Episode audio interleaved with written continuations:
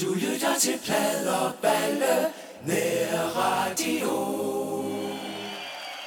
Mit navn er Jan Eriksen, og nej, dette er naturligvis ikke Pladerballe nær radio. Øh, jeg har bare ydmygt benyttet mig af en enestående mulighed for at låne mine gamle idoler, Monder og Rislund. For min gæst i dag, sanger, musiker, sangskriver Gry Harit, er en af de vist nok to sanger, du lige hørte i koret på den her lille radio stationizer, som jeg tror det hedder. Som du har hørt øh, Gry stemme måske på mere end 100 andre danske plader. Øh, De seneste år har det dog primært været tale om egne udgivelser. Velkommen til, Gry. Tak skal du have. Gry har stået på scenen med et hav af danske kunstnere. Sebastian meget de senere år. Paul Krebs blandt andet. Allan Olsen, vi sad lige og snakkede om det. Birte Kær også, ved jeg. ja. Der er ikke øh, tid til at nævne dem alle sammen. Øh, Men som sagt, i dag solist og har dit eget band. Ja. Der er flere grunde til, at jeg har inviteret dig ind i studiet her i Store Kirkestræde. Der er en, der er meget aktuel, og den kommer vi lige tilbage til om et øjeblik. Mm-hmm. Først skal jeg lige sige, at øh, grunden til, til jer, der er faste lyttere, at øh, der er lidt imellem episoderne af min POV Mediano Music podcast lige for øjeblikket. Og det skyldes, at jeg er ved at skrive en bog simpelthen. Det seneste stykke tid har mine gæster været mænd, og mest på min egen alder, plus minus. Så jeg tænker, at det vel egentlig er på tide med nogle flere kvindelige gæster. Og der er du den første, Gry. Ej, hvor er jeg stolt af det. Ja. tak Og vi nærmer os jo faktisk den 8. marts, så det kan næsten ikke være bedre. Nu er det godt. Det er også en historie om at tage sit liv og karriere op til revision og træffe nogle afgørende beslutninger i sit liv. Det ved jeg, at mennesker i hvilken som helst branche, tror jeg, kan relatere sig til. Og jeg kan lige skynde mig at nævne i den her sammenhæng, at du faktisk er kantskjent pol. Ja, gud hjælp mig. Og det er noget med, at man, det er en kandidatgrad i statskundskab, ikke? Eller, det er det, ja. ja. Det er ligesom kongen. Ja, det er, han har bare taget den i Aarhus. Jeg har, Han har taget den i Aarhus, ja. ja. Og, og så bare til meget, meget faste lyttere, skal jeg sige. Normalt, når jeg siger kongen i de her podcasts, så refererer jeg til en mand, der boede i Graceland i Memphis. Men øh, i den her sammenhæng er det altså... Jeg skulle da også lige tænke, mener han Ja. den nye konge? Og det gør han jo nok. Den anden, øh, jeg snakker om, Frederik, han bor faktisk lige her rundt om hjørnet, men det er noget helt andet. nu nævnte jeg lige det med Sebastian. Øh, De senere år kan man jo roligt sige, at du har været fast medlem af hans band. Det er vel nærmest et par årtier, ikke? Eller noget.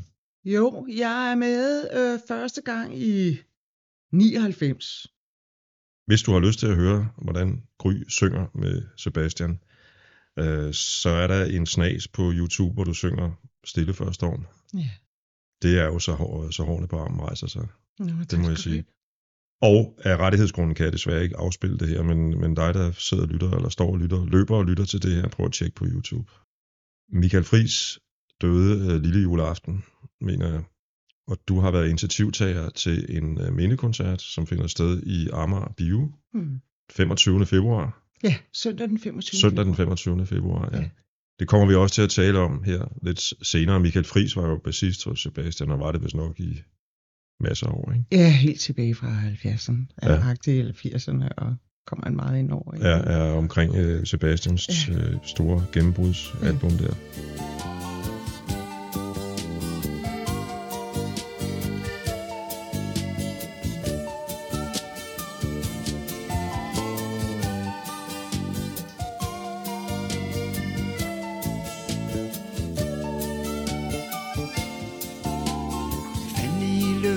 Til caféen hen Lad Dolce Vita her igen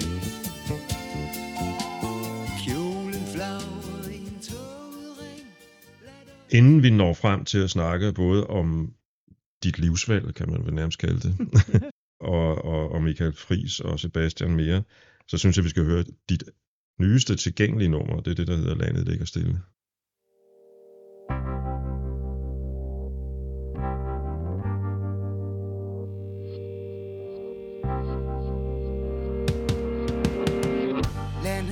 ligger stille Havet efter storm.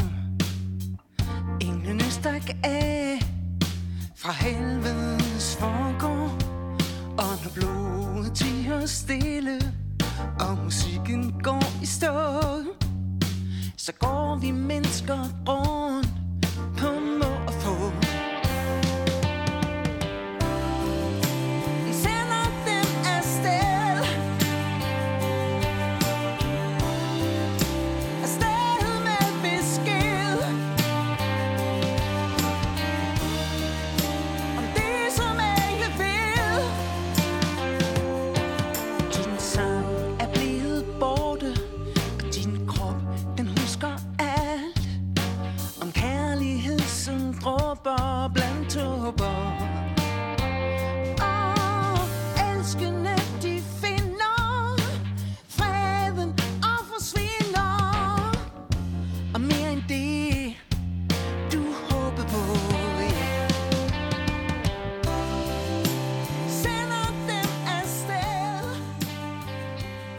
Jeg har læst på Spotify, at der er et nyt album på vej. Det er der også. Mange af de her overvejelser omkring min måde at være i musikbranchen på, handler både om, om øh, hvordan jeg finder samarbejdspartnere, men også i særdeleshed, hvordan hvad kan man sige, danskerne, det publikum, som der er til sådan en som mig, hvordan folk hører musik, øh, og hvordan, altså, hvordan man forbruger musik, øh, og det handler også i høj grad om live-koncerter. Og det handler også i høj grad om streaming-tjenesterne. Mm, ja. Det er som om, at vi lige nu er i sådan en mellemfase. Folk bruger øh, musikken på mange, gennem mange forskellige tjenester, udbyder. Altså nogen hører vinyler, nogen CD'er, nogen streamer, nogen streamer fra alle f- forskellige typer streamingtjenester. Nogle øh, er sådan mere vedholdende med kun én, og andre streamer ikke. Og, altså, hvordan får man ligesom folk i spil? Og så udsendte jeg den her Landet ligger stille. Der kunne jeg mærke, at der var ikke rigtig så meget resonans i forhold til at øh, sådan opmærksomhed omkring det. Og så kunne jeg mærke, at jeg var nødt til ligesom at, at overveje min måde at gøre det på, fordi når man laver musik, så bruger man afsindigt mange timer, og økonomisk er det også øh, store udlæg, man har fat i. Og i forhold til indtjening, de muligheder, vi har her i dag, der bliver de øh, færre og færre. Jeg er sådan ret øh, handlingsorienteret menneske, øh, og jeg har også mange øh, ressourcer, men jeg har også spildt afsindig mange ressourcer og lavet sindssygt mange fejl, øh, og brugt rigtig mange penge og så videre. Truffet mange forkerte beslutninger, så jeg øh, er øh, også et, et meget erfaringsrigt menneske, Mm. og jeg forsøger på ikke at, at gentage mine fejl. Og det lykkes nogle gange. ikke bare at hælde mine ressourcer ned i sådan en stor sort hul. Ja, det lyder Øh, fornuftigt. Det, Du har, Måske har jeg jo siddet og lært det. du har jo haft alle mulige grund til, eller hvad kan man sige, du har haft alle muligheder for at lære. Din far er musiker, Ja. øh, var velrenommeret, især saxofonist, tror Ja. jeg nok, ikke? Ja, Øh, Nils Seid, og øh, senest har jeg jo læst om ham i Frans Beckerlis biografi. ja. Øh, de spillede jazzmusik sammen helt tilbage i 60'erne. det er helt avantgarde far Ja. out. Øh, prøv alting af, ikke? Ja, præcis. Og I øvrigt så vil jeg lige sige, inden vi, vi, vi, vi går videre, at, at din far spiller jo den, og det her tør jeg godt sige, ikoniske sav på Se din by fra tårnes top med gasolin. Det gør han nemlig. Han var, hvad kan man sige, en fast sideman øh, på Gasolins øh, udgivelse.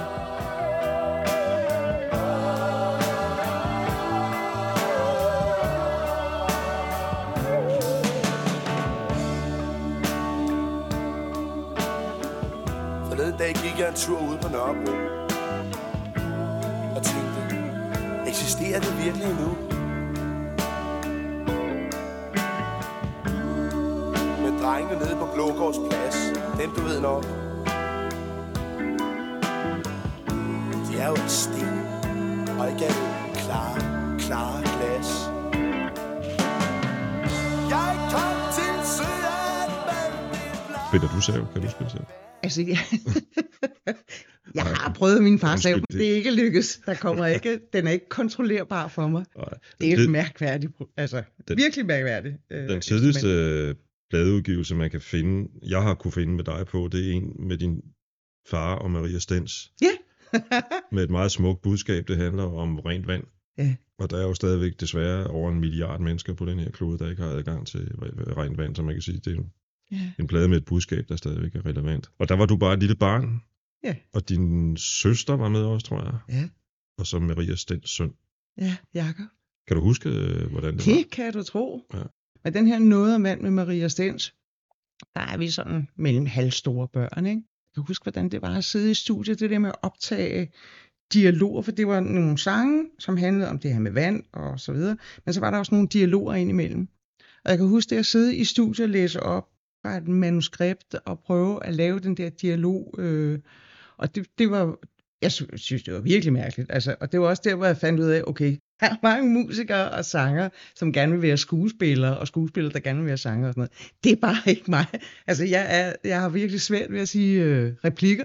Men jeg kan sagtens huske det. Jeg kan sagtens huske, øh, da vi skulle tage billeder, som er noget ved en å og noget med en bro og sådan noget. Jeg husker det faktisk meget tydeligt.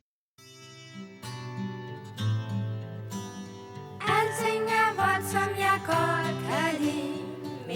Mælken i koppen, tisset i potten. Alting er vådt, alting er vådt. Alting er vådt, som vi godt kan lide. Alting er vådt, som jeg godt kan lide. Jeg var simpelthen i går, da jeg sad og forberedte mig, var jeg simpelthen nødt til at høre Maria Stens store danstophit. Hvor er alle drømmene, du drømte? Hvor er alle drømmene, du drømte? Hun synger bare fuldstændig vidunderligt. Og en, og en fed melodi, og tekst også for den sags skyld. Hvor alle drømmene, du drømte, og din tro på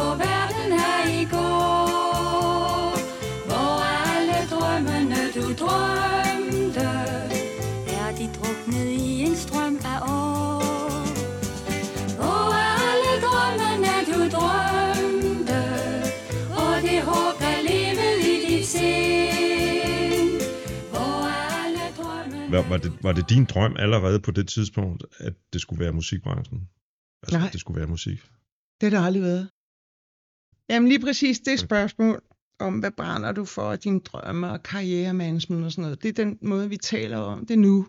Jeg har aldrig nogensinde gået efter det på den måde, som de unge mennesker gør i dag.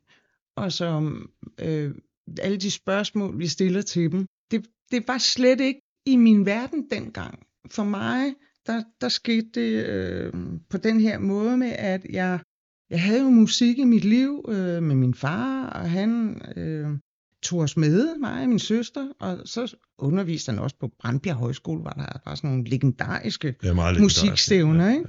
ikke? og der var jeg børn, øh, barn sammen med min søster, og vi fik lov til at sidde med, og så sker der det, at, at jeg jo så finder nogle instrumenter, jeg kan godt lide at spille klaver, det har jeg lært af min far, og så forelsker jeg mig i at spille trommer, ja, det synes jeg bare var enormt sjovt.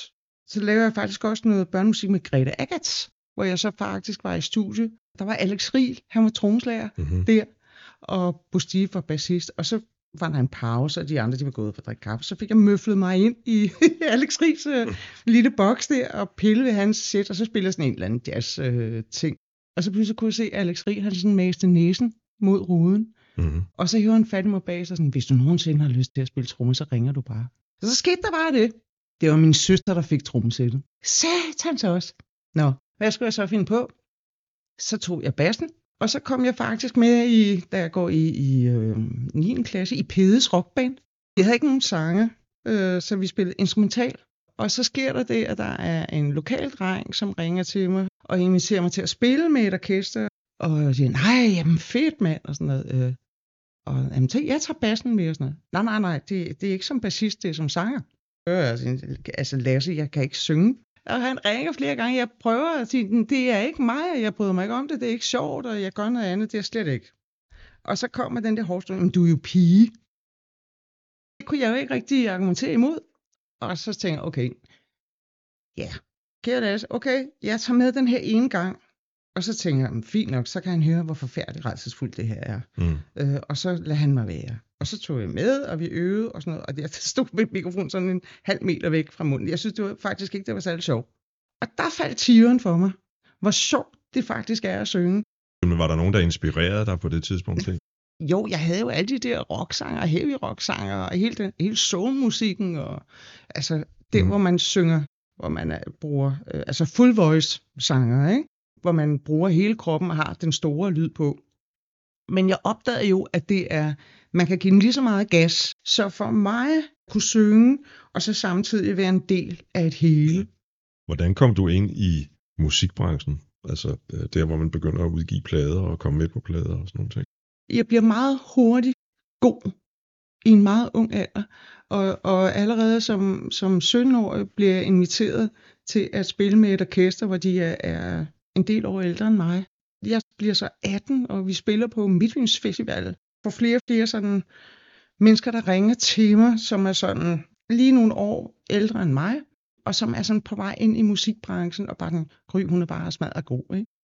der sker også det, at jeg som 17-årig får tilbudt en pladekontrakt på det daværende Sonet, og de, de kan dog nok vente til jeg bliver 18 med, at øh, jeg skal ind og skrive under sådan noget. Så jeg, hvad kan man sige, det spreder sig på en måde, jeg ikke øh, opdager. Altså, jeg har ikke nogen plan, jeg har ikke nogen karriereplan, jeg, jeg er ikke bevidst om det, Nej, nej. men jeg går ind ad de døre, der, Der står åbner sig. ja. ja. præcis, ja.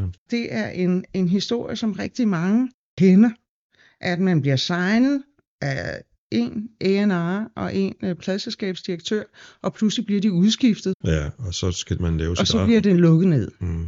Det, der så skete for mig i det tilfælde, det var, at jeg blev ikke løst fra min kontrakt, men jeg blev lagt ned i en skuffe i tre år. Og det var, de tre år er, er nok de, de sværeste år for mig sådan i musikbranchen, fordi jeg bliver bundet på hænder og fødder. Øh, hver gang jeg dukker op med nye sange, så nej, bliver de bare kastet ned i, i øh, skuffen igen, og jeg bliver påtalt for min påklædning og et eller andet. Og der skal man tænke på, det er, mens jeg er 18 til 21. Det er nogle meget stærke formative år. Mm. Så det er det, jeg oplever, at musikbranchen er. Da jeg så begynder at få en masse kor arbejde. Ja, dem har der virkelig mange af, ja. Jeg synes, inden vi, vi snakker videre om det, Ja. så vil jeg spille et lille medley, jeg har lavet af nogle af de øh, sange, du medvirker på som kor. Nej, hvor sjovt. og, og, øh, og det er jo dels for at vise, hvad du har været med på, men det er egentlig også for at hylde jer, Ja, der synger kor på alle de mange millioner sange, ej, hvor fint. vi godt kan lide, og som vi har vi er, måske er, vokset op med, eller man har fået et meget personligt forhold til, osv. osv. Ikke? Sebastian, som vi også kommer til at snakke om senere, ikke? det er fra mm. Hjertedanser. Hjerte i et galehus fra det forrige album, som også er et dejligt nummer. Så har jeg valgt Allan Olsens Roser og Violer Blå, fordi dem kendte jeg i forvejen, og det samme med Peter Bellis øh, Hjælp mig gennem denne nat. For en aften Og natten som dagen forlod. Når du mit hjerte danser Så elsker vi det her nu. I morgen med pilene græd Og tårerne bløde Som du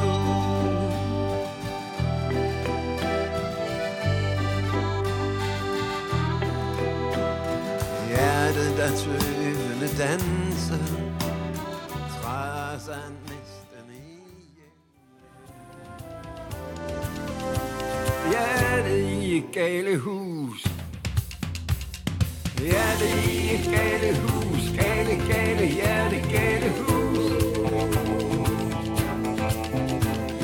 Blodet bruser, næsegrus Beundret, beruset, gale hus. Hjerte i et gale hus.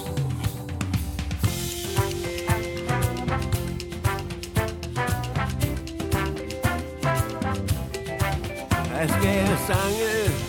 På navle strenge At være bange At synge længe.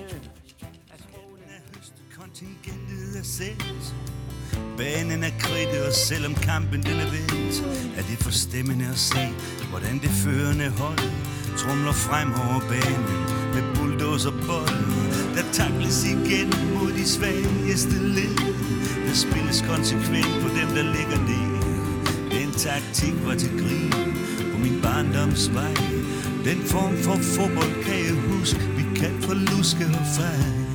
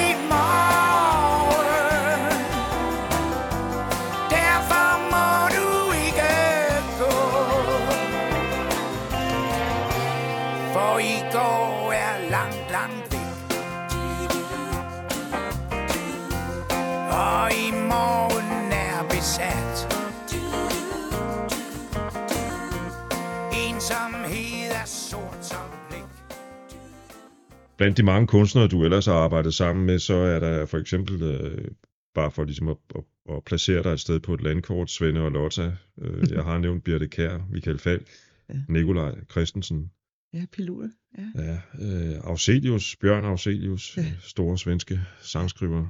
Ivan Pedersen har du arbejdet en del sammen med, Ja. tror jeg. Ham har jeg lavet en del for. Ja. Og, og turneret med for eksempel Anne Linnet, Mm-hmm. Big Fat Snake. Mhm. Og så har du nævnt SP, hvis der også Just, ikke? Dem har du også. Øh, Allan, som vi har hørt lidt med her, Shirley, Henning Kvitnes, som man kunne blive ved, Paul Krebs. Og jeg får en, en vidunderlig marker, som hedder Pia Trøjgaard. Og vi, vi får et markerskab, som for mig er også et, et, øh, et venindeforhold, fyldt med meget kærlighed, men vi er også sindssygt gode sammen til at arbejde sammen. Så det partnerskab, det har jeg aldrig oplevet hverken før eller siden. Det der markerskab med piger, som du nævner, det var vel også med til at, og hvad kan man sige, I kunne bruge hinanden i en branche, som det er jo efterhånden blevet dokumenteret mange gange, også kunne være meget sexistisk blandt andet, ikke? Men, Mm. men også hård i det hele taget, ikke? Fordi Ja. du er kun det, du synger i dag et eller andet sted, ikke? Ja. Så der tænker jeg, at I har kunne bruge hinanden som øh, backup, eller hvad man skal sige.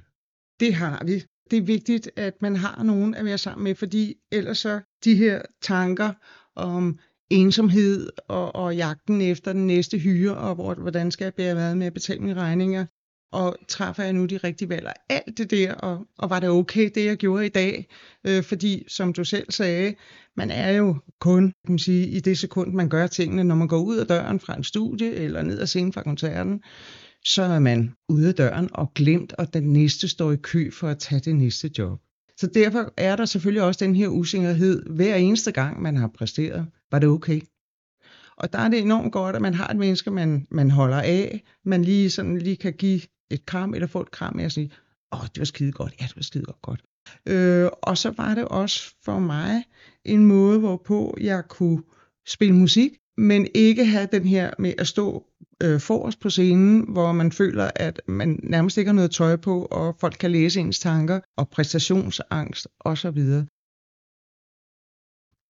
Jeg ryger ud i en mere eller mindre selvvalgt øh, pause fra musikken. Øh, jeg bliver gravid og får to børn sådan umiddelbart efter hinanden. Og der sker så det, som jeg ved ikke, om det stadigvæk sker i så høj grad, men dengang, der stoppede telefonen med at ringe øh, for mit vedkommende. Og det, det er jo også et karaktertræk ved musikbranchen, at der ikke er så mange kvinder, øh, som har små børn, øh, også voksne kvinder på min alder. Nu er jeg, øh, ja, jeg bliver 55 lige om lidt. Og så stoppede jeg faktisk egentlig med at spille musik, og så havde jeg jo den her uddannelse også, som jeg tænkte, jamen så er det måske øh, sådan det er. Og jeg havde det faktisk egentlig rigtig fint med det. Jeg havde det sådan, been there, done that. Jeg havde prøvet øh, det hele, synes jeg. Og så sker der det, at jeg bliver ringet op af Michael Friis i, jeg tror det er 9 eller 2010 eller sådan et eller andet, om jeg vil med på sådan en sommertur. Jeg tror, det er ni. Ja, det må være 9, ikke? Ja, Ja, og så, øh, og der kan jeg mærke, at jeg blev sådan helt varm i hjertet og i kroppen og i mellemgulvet, og sådan, åh, ja, det vil jeg rigtig gerne. Fordi jeg savnede mine venner, kan man sige, og jeg savnede at spille musik. Så der er jeg så med fra igen. Og så sker der så også det på den tur, der spiller Morten Kærså øh, keyboard på den tur. Og han bruger sådan set hele den her tur på at den der, bare sådan en karikeret samtale. Nå, men Gry, du er jo ikke færdig med at spille musik. Jo, Morten, det er jeg. Nej, det er du ikke. Jo, det er. Nej, det var sådan, det var fortsat til sådan. Og da vi så slutter den der sommertur, så ender han med at sige, Nå, ja ja, det kan godt være, at du selv mener, at du er færdig med at spille musik. Men har du ikke lyst til at komme lidt med ud med det her band, jeg har, som hedder Moonjam? Ja, der var jeg sådan med on og off i, i et par år.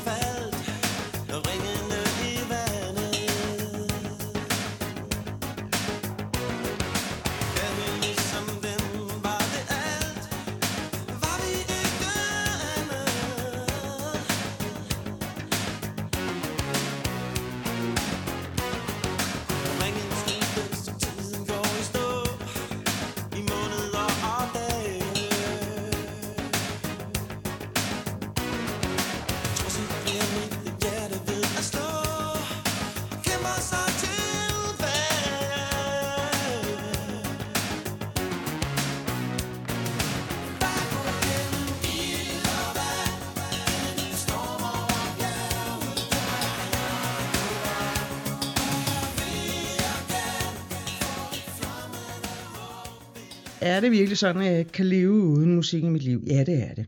Okay, Gry. Hvad så? Øh, hvordan kunne du så godt tænke dig, at det skulle være? Fordi du ved, hvordan det har været for dig at være musiker øh, i musikbranchen og leve af det. Øh, er det sådan, du fortsat gerne vil øh, være i musikbranchen, eller kunne du godt tænke dig, at, der var, øh, at det skulle være på en anden måde? Øh, og i så fald, hvordan? De der ting, du selv har skabt, dem kommer vi tilbage til senere hen. i Ja, og det er så det, der er den beslutning, der ligger der. Ja. Nu har vi snakket om det med at synge kor, og øh, jeg synes faktisk, vi skal høre, inden vi kommer til dine egne sange, høre dig synge solo i et par numre, som jeg er faldet over, og som jeg synes er ret fede faktisk. Fedt. Det ene er fra et album fra 2010, der hedder A Touch of Gospel, Ja, øh, hvor du synger den kære gamle popklassiker The, The Air That I Breathe. Og jeg tænker, at ideen med det album var ligesom at give dem, som det ligger i titlen, lidt touch af noget gospel.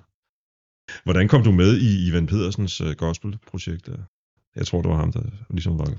Jamen, det skyldes jo et, et mangeårigt samarbejde med Ivan, og de mange, mange, mange forskellige produktioner, han har været involveret i. Ivan, han skal lave øh, vokalproduktion øh, sammen med den her øh, Touch of Gospel, og vi er så fire, som laver det her kor, som ligger på alle de her sange, og får også nogle øh, solosange. Det er den måde, jeg, jeg lander med The Air That I Breathe. Det er en fed version, synes jeg. Tak skal du have. Det, jeg er faktisk også øh, det er en af dem, jeg er ret stolt af. I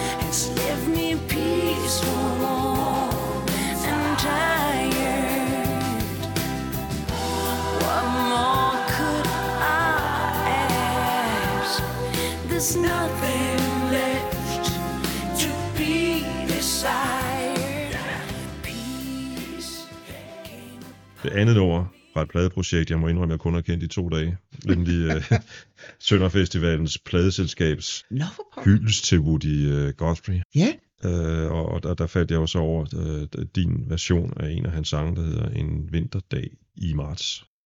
Woody Guthrie, var det en, en, en sangskriver, du havde et forhold til i forvejen, da du kom ind over på det projekt? Jeg skal lige sige til dem, der måske ikke ved det, at han, er, han var lidt, lidt ligesom Pete Seeger, en amerikansk folkemusiker, Mm. der samlede gamle Mm. sange op og indspillede dem i nye versioner, sang dem, og var jo en kæmpe inspiration for Bob Dylan, da han var helt grøn. David dør hver sin Gud og hver sin tro. Der var fred i Kosovo. Jeg synes, det er rigtig godt at, at, at tale om det her, fordi det handler også om, når musik, når musik rent faktisk betyder noget. Ja. Altså øh, kultur og kunst i det Mm. mm. hele taget. Og det er ikke fordi, vi skal have en eller anden lang diskussion om, øh, om musik bør det, fordi jeg er ikke så vild med at pege på andre mennesker og sige, hvad de bør gøre, øh, eller bør lytte til i det her tilfælde for, for mit vedkommende. Men, men, men jeg synes bare, det er vigtigt, at man, man, også, at man også forholder sig til det, der sker i verden, simpelthen, ja. i, øh, også i sit udtryk, øh, hvis man kan og har lyst og så videre. Ikke? det er virkelig, virkelig svært. Altså, øh, og det er jo nok også derfor, der er så få, der gør det. Fordi de politiske sange er jo stort set forsvundet. Ja. Altså når, i forhold til for eksempel 60'erne og 70'erne. Ikke? Jeg læste engang et, et, øh, et udsagn fra sådan en, en, en multikunstner, som skrev, at jamen, altså, i det øjeblik, at et samfund kun øh, producerer sange, der handler om, om kærlighed, så er det udtryk for en ekstrem høj grad af selvcensur. Altså, så, så er der noget galt fordi det er ikke fordi, at vi mennesker ikke går rundt og har de tanker og de budskaber i os, men når vi ikke omsætter det til musik eller kunst, så bliver der udøvet en eller anden form for censur. Og det har jeg tænkt meget over, hvorfor jeg for eksempel ikke selv øh, skrev politiske sange. Og det prøver jeg så så godt som muligt at, at øh, lave nu. Der er et, som jeg faktisk synes er lykkes meget godt. Øh, det er det nummer, som hedder Godt du kom.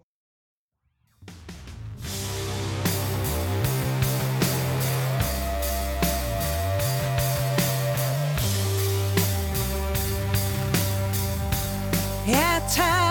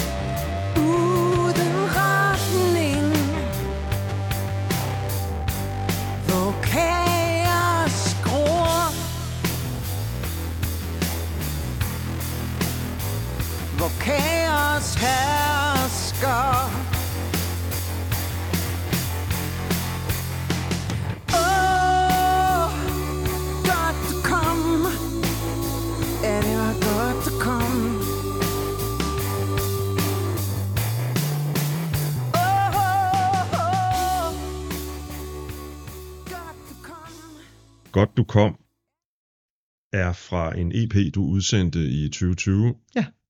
Og den er skabt i samarbejde med Finn Favold. Ja. Uh, ligesom dit første album. I arbejdede meget tæt sammen, der er Finn der. at de ting, som han lavede i, i 80'erne og 90'erne, dem har jeg altid haft et, et, et godt øje til. Øh, Jeg kunne rigtig godt lide øh, nogle af de ting, han lavede i 90'erne. Han stopper så med at være aktiv i musikbranchen, også i 90'erne, og trækker sig og vælger at have et andet liv. Kontakter ham så i forbindelse med et andet projekt, der er sådan langsomt ved at vende tilbage til musikken og stadigvæk med overvejelser og så videre. Og der møder jeg ham så der. Men, men øh, jeg bliver så enig med mig selv om, at at det jeg egentlig gerne vil, det er faktisk at lave mine egne ting og udgive mine egne ting, fordi det er det var det, jeg ikke fik gjort. Jeg gerne være i musikbranchen, egne ting. Så godt at skifte position fra at være korsanger, som man kalder det, og så til at være solist. Det er et øh, vanskeligt spring, som sjældent lykkes. Så det var sådan meget bevidst valg om, at det der, det er op ad bakke. Men det er det, der er i det for mig hvad kan man sige, Finn bliver så en sparringspartner for mig, både sådan øh, i forhold til at, at den musikalske del med melodierne og akkorderne, men også i forhold til teksterne. Og det var meget, meget inspirerende. Det var også vanskeligt og alt muligt, men det var, øh, det var meget inspirerende. Og han øh, havde også været væk i nogle år fra musikbranchen, og var frisk på at, at øh, prøve nogle ting af. Jeg sådan, har sådan meget øh, åben tilgang til processen, hvor, hvor hans, øh, som, når han satte sig i producerstolen, så var han sådan meget i, øh, en, eller så var han vant til en måde at arbejde på, hvor han ligesom sagde, hvad folk skulle gøre. Mm. Og jeg, min tilgang var sådan, jamen det finder vi ud af undervejs, det justerer vi og tilpasser, og så finder vi et fælles udtryk. og det, det, det var meget anderledes for ham. Jeg synes, vi skal høre, jeg skal lige sige først i øvrigt, at jeg, og det oplever jeg jo tit, når jeg skal lave de her podcast, af den meget, hvad kan man sige, logiske grund, at jeg er nødt til at forberede mig meget grundigt og høre musikken rigtig meget. Jeg er faktisk kommet til at holde af albumet, album. Og fra det album synes jeg, vi skal høre bare en dag, som er med din melodi og Finds tekst. Thank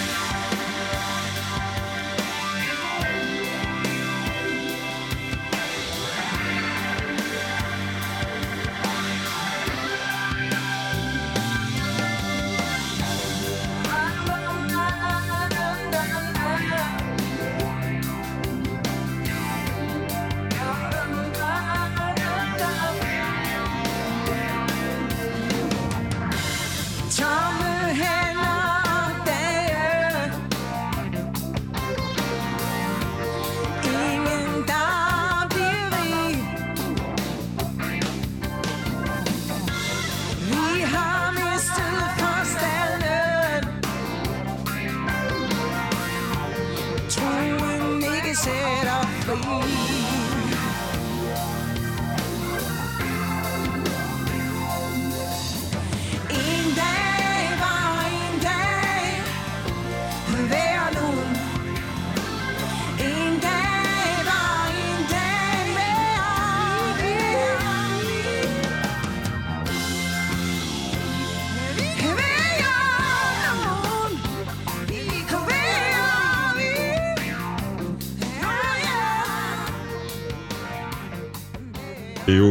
Rock and roll. Jeg, jeg sgu vild med den der power, der er specielt på, uh, jeg tror det er Dan Hemmers år, ikke? Ja. Ja, Det er det. uh, det lyder sgu næsten som sådan et uh, prog-rock-nummer fra begyndelsen af 70'erne, eller et eller andet den retning. Var det noget, I gik efter, og nu skulle der være noget rock and roll indover? Eller? Helt klart. Altså, og det har også noget at gøre med, at altså, jeg er sådan en, en full voice sanger, Rene. Det giver nogle muligheder. Altså, jeg, jeg kan sagtens synge om kap med øh, diverse Marshall Det er bare at, at skrue op og sådan noget. Jeg, og give mig en smadret øh, gammel sure mikrofon. Det er så fint. Jeg skal nok have det sjovt alligevel. At den mulighed ligger øh, med sådan en sang som mig, det, det skulle vi prøve af. Det var så min, min første øh, soloudgivelse, og det var fedtet ind i en masse følelser med, at øh, det, alle det der, er det nu godt nok, og hvor skal vi hen, og kan man nu også, må man det, og sådan noget. Så vi prøver en masse forskellige ting af, og noget af det lykkes virkelig godt, og noget af det øh, lykkes så måske knap så godt. Og Finn skulle også sådan ligesom finde sin plads i det, også øh, varmes op igen, som den producer han jo er.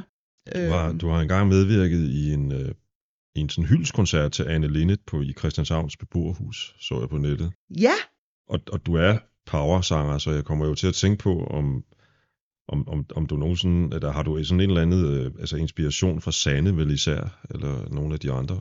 Ja, Anne Sanne, Hanne Lis. Ja og nej.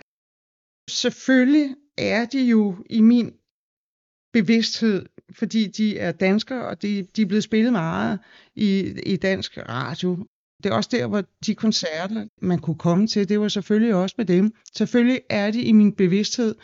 Samtidig så trækker de jo på de samme referencerammer som jeg selv, som jo er Stevie, og det er alle de øh, vidunderlige øh, soulsanger. Altså, men det er klart, at de er jo 10-20 år ældre end 20 år ældre end mig. Ikke? Så deres måde at synge soul og rock på med det danske sprog i munden, det er klart, det smitter af på mig.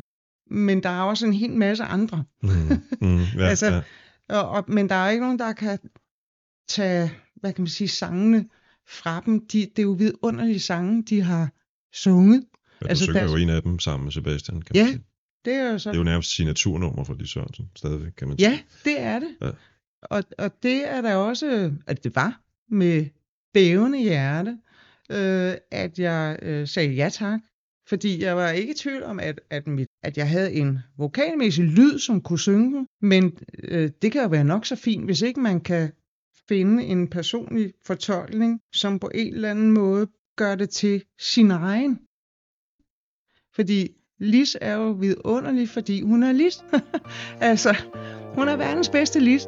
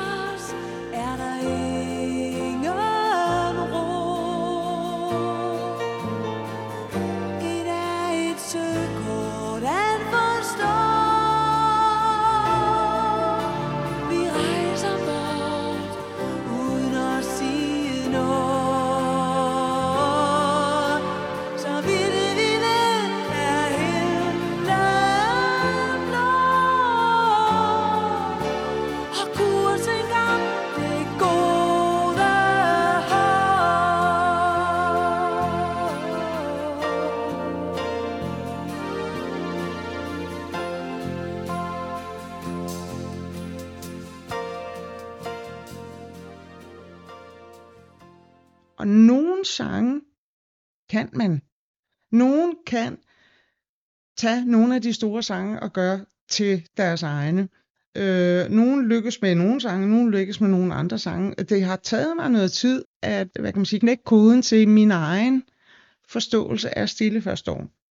Når det så er sagt, så er det klart, at når jeg synger den live for Sebastians publikum, så ved jeg jo godt, at der sidder en masse mennesker, som automatisk, når sangen går i gang, så hører de Lis Sørensens, øh, hvad kan man sige, fraseringer. Der er man nødt til at være respektfuld over for det, og der er nogle måder at, at løfte nogle af, af ordene på, Mm-hmm. som ligesom skal være der for, at rammen bliver tryg for publikum, og når man har fundet dem, så kan man lade de andre være mere frie. Den første sætning, så kan jeg mærke, okay, har jeg fået tilladelse hos publikum Mm-hmm. til at synge den her sang? Ja. Eller har de trukket sig og har lagt armen over kors og sagt, nej, nej, det, det skal du ikke prøve at røre ved det der, fordi jeg har den her version. altså, du, ja, man skal ja. bede om Gå du dog bag tilladelse. på scenen igen. Ja, ikke? det er så fint, du er, men Ja, vi vil hellere have. ja. Så man skal ligesom bede om lov. Og det, som den her sang kan, som er så fantastisk, det er, at den har altså et accelerationstempo fra 2 km i timen til 250 km i timen på meget få sekunder. Inden vi lige snakker lidt om dit samarbejde med Sebastian, Ja. øh, så synes jeg, vi skal høre der synger kor for Sebastian. Og det, der har jeg valgt Romeo fra hans livealbum, som du medvirker på. Det er vist nok en fire år gammel efterhånden, tror jeg.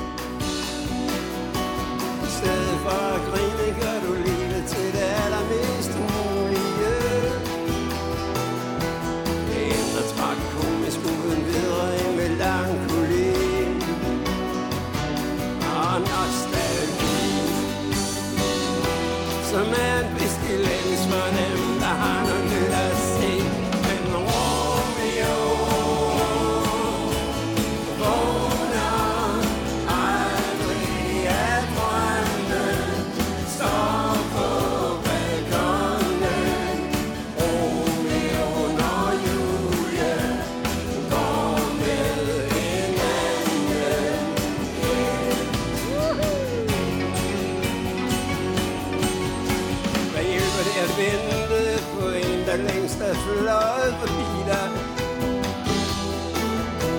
Jeg er sikker på, hun kendte hver en tone i din melodi. Hvad hjælper dine sange, hvis de ikke har mere at give af? Senor Solomio, du er fanget i en maskepil.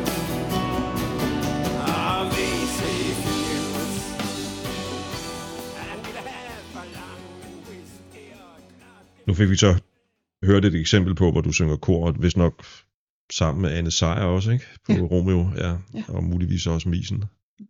Hun er i hvert fald krediteret for medvirken på, Ja. på pladen, ja. Visen Groth. Misen Groth, ja. Øhm, og så benytter jeg jo også, hvis jeg har muligheden, en hver lejlighed til at få Niels Henriksen ind i et nummer her på, i Mm. mine podcast her. En fantastisk guitarist. Ja. Det, der er gået op for mig de seneste dage her, jeg tror, det er sådan en, en dråbe, der har fået et, et, i forvejen næsten fyldt bære til at flyde over, er, hvor stor en sangskriver Sebastian er. Det har jeg jo altid vidst. Altså, jeg er vokset op med måske Kuvi og øh, Du er ikke alene og så videre, ikke? Og også hans øh, succesalbum fra 1980 og lidt, lidt frem efter der, ikke? Øh, for eksempel Romeo, som vi lige har hørt. Med den, man kan sige, den stamina, der har været i Sebastians øh, sangskrivning og hans arbejde omkring også musicals og så videre, ikke? den betydning, han har haft, og ikke mindst de melodier, han skriver, og de tekster, han skriver. Altså, han, jeg kan næsten kun komme i tanke om, hvis det skulle være en nulevende dansk sangskriver, C.V. Jørgensen, der er på, på det der niveau. Ikke? Så det, jeg vil frem til, er, at, og det er jo et ledende spørgsmål, det må man jo dybest set ikke, når man er journalist, men Kom Det- med det. det må være fantastisk at være arbejde sammen med den mand, altså, øh, som du nu har gjort i næsten to årtier. Ikke? Det er det også. Og det er også derfor, som jeg også sagde øh, tidligere, at jeg synger ikke kor længere. Undtagen for Sebastian. Ja, ja, ja. og det, det er jo selvfølgelig derfor. Og, og det, jeg har oplevet, når vi har været på turné, det er, hver turné har selvfølgelig sin sætliste, men hver eneste aften oplever jeg, altså, og det er stadigvæk, de sange, vi spiller, øh, lige, jeg opdager lige en ny vinkel, og det kan være på en, en linje, en tekstlinje, eller lige et akkordskift, der lige tænder en følelse i mig på en anden måde. Altså, de er så stærke, de sange, han har. De er eviggyldige. Og den gave er så stor for mig, netop fordi det er det, det handler om for mig med musik. Så det, der sker, når vi spiller live, det er for mig fuldstændig magisk. Jeg ved godt, der er mange, der synes også, at det er, øh, hvad kan man sige, det er en kæmpe stor ære og sådan noget, og det er det også. Og, og det ved jeg også godt, at det er, og så siger jeg bare, tak Knud, at, at øh, jeg får lov at være her. Han formår altid at skrive et par nye sange, hvis, øh, og så skal jeg prøve at forklare, hvad jeg mener med det. Og der mener jeg det, at de fleste komponister har måske i sig en eller måske oftest fem originale sange i sig, som ikke er blevet skrevet før. De fleste af os, der skriver musik, vi laver på en eller anden måde parafraser over andres arbejder. Og sådan er det. det. Det gør jeg også. Altså, jeg har ganske få, altså, jeg har måske en, altså, det, vi skal være Men- glade, hvis det lykkes for os at skabe en original sang i vores Men, liv. men jeg vil bare lige sige undskyld, undskyld, fordi du skal Ja. videre med Sebastian, men Ja. jeg vil bare sige, en af grundene til, at jeg faktisk godt kan lide det album, som Ja. vi hørte et nummer fra for lidt siden, Nå, ikke? ja. det er, at det netop parafraserer på en fed måde for mig i hvert fald, Jamen fedt. over nogle skabeloner, som jo Jamen. findes i forvejen. Og, Jamen, hvor er det dejligt. og guderne skal vide, at jeg der under et af numrene, jeg kan slet ikke huske hvilket, der, der sidder jeg og tænker, at jeg har ikke hørt det der før, et eller andet sted. Ikke? Jamen, det har du sikkert. Ja, ja. Øhm, sådan en som Sebastian, han bliver ved med at kunne skabe nye, altså originale sange.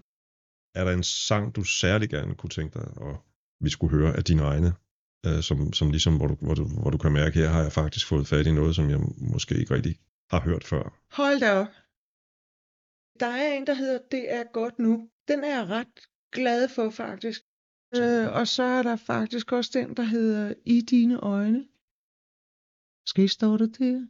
Den, er, den synes jeg er vellykket, men jeg ved ikke, om den er en, en original sang, eller om den bare er en parafrase af noget andet. Men jeg ved, det er en god sang. Det er en god sang, så den hører vi nu.